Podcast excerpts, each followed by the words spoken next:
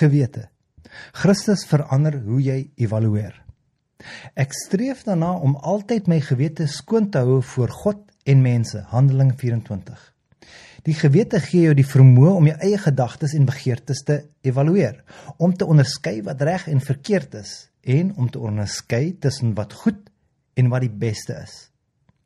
Dankie dat jy by ons aangesluit het op vandag se episode van Beter Besluite Minder Hartseer. In vandag se episode sal ons dan 'n streef om inhoud te verskaf wat jou sal help om beter besluite te neem en seker te maak jy eindig waar jy wil wees in jou lewe of dat jy nie daar aankom waar jy definitief nie wil wees nie.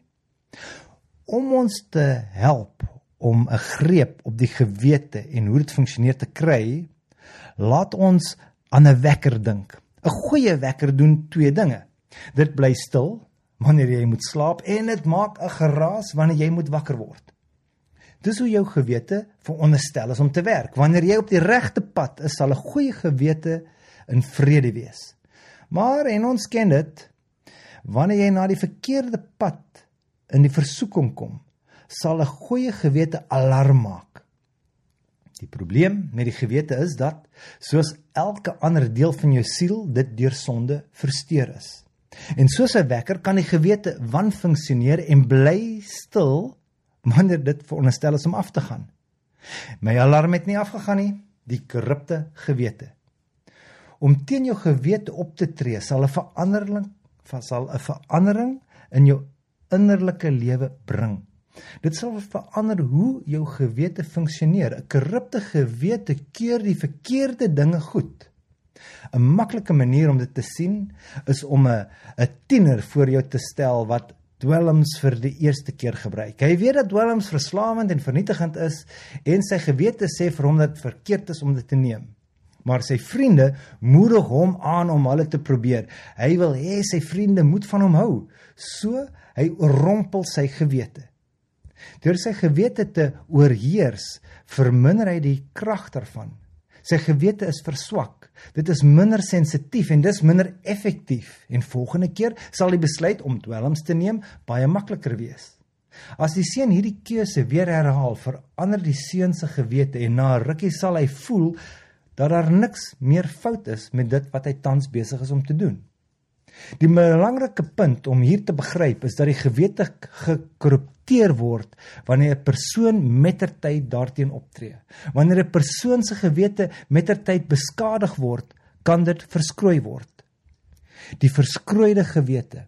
In die antieke wêreld het dokters 'n warm yster gebruik om 'n wond te verbrand. En dit kan skaars wees om te dink aan hoe dit moes gewees het voor narkose. Maar as jy 'n wond gehad het en die bloeding nie gestop kon word nie, was jou beste hoop die warm yster wat op jou vlees gedruk is. Eina. Sodra jy van die pyn herstel het, sou jy ontdek dat die bloeding opgehou het. Maar jy sou ook vind dat jy alle gevoel verloor het in die area wat geskroei is. Die warm yster het die senuwees doodgemaak sodat jy nie meer gevoel het waar die yster aangebring is nie. Paulus sê, dit is hoe dit is met sommige mense se gewete. Hulle is soos 'n warm yster gegroei, geskroei. Efesiërs 4 vers 19. Hulle gewete het hulle sensitiwiteit verloor. Wanneer dit gebeur kan 'n persoon lieg kil of steel sonder dat hulle gewete enige beswaarde offer. Hulle voel geen skuld nie want hulle gewete is verskroei. En terwyl hy op pad na Damaskus was, is dit presies wat Saulus gedink het. Dink jy hy was bekommerd om iets verkeerd te doen? Die verskroeide gewete noem boosheid goed en goed boos, Jesaja 5. As 'n gewete korrup geraak het sodat dit nie meer reg funksioneer nie, hoe kan dit rein word?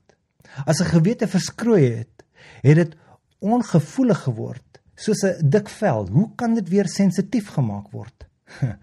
'n Goeie gewete word deur die Gees aangedryf. As ek die battery uit my wekker haal, sal dit nie werk nie. Dit word ook deur die woord gestel en gereinig deur die bloed van Jesus Christus.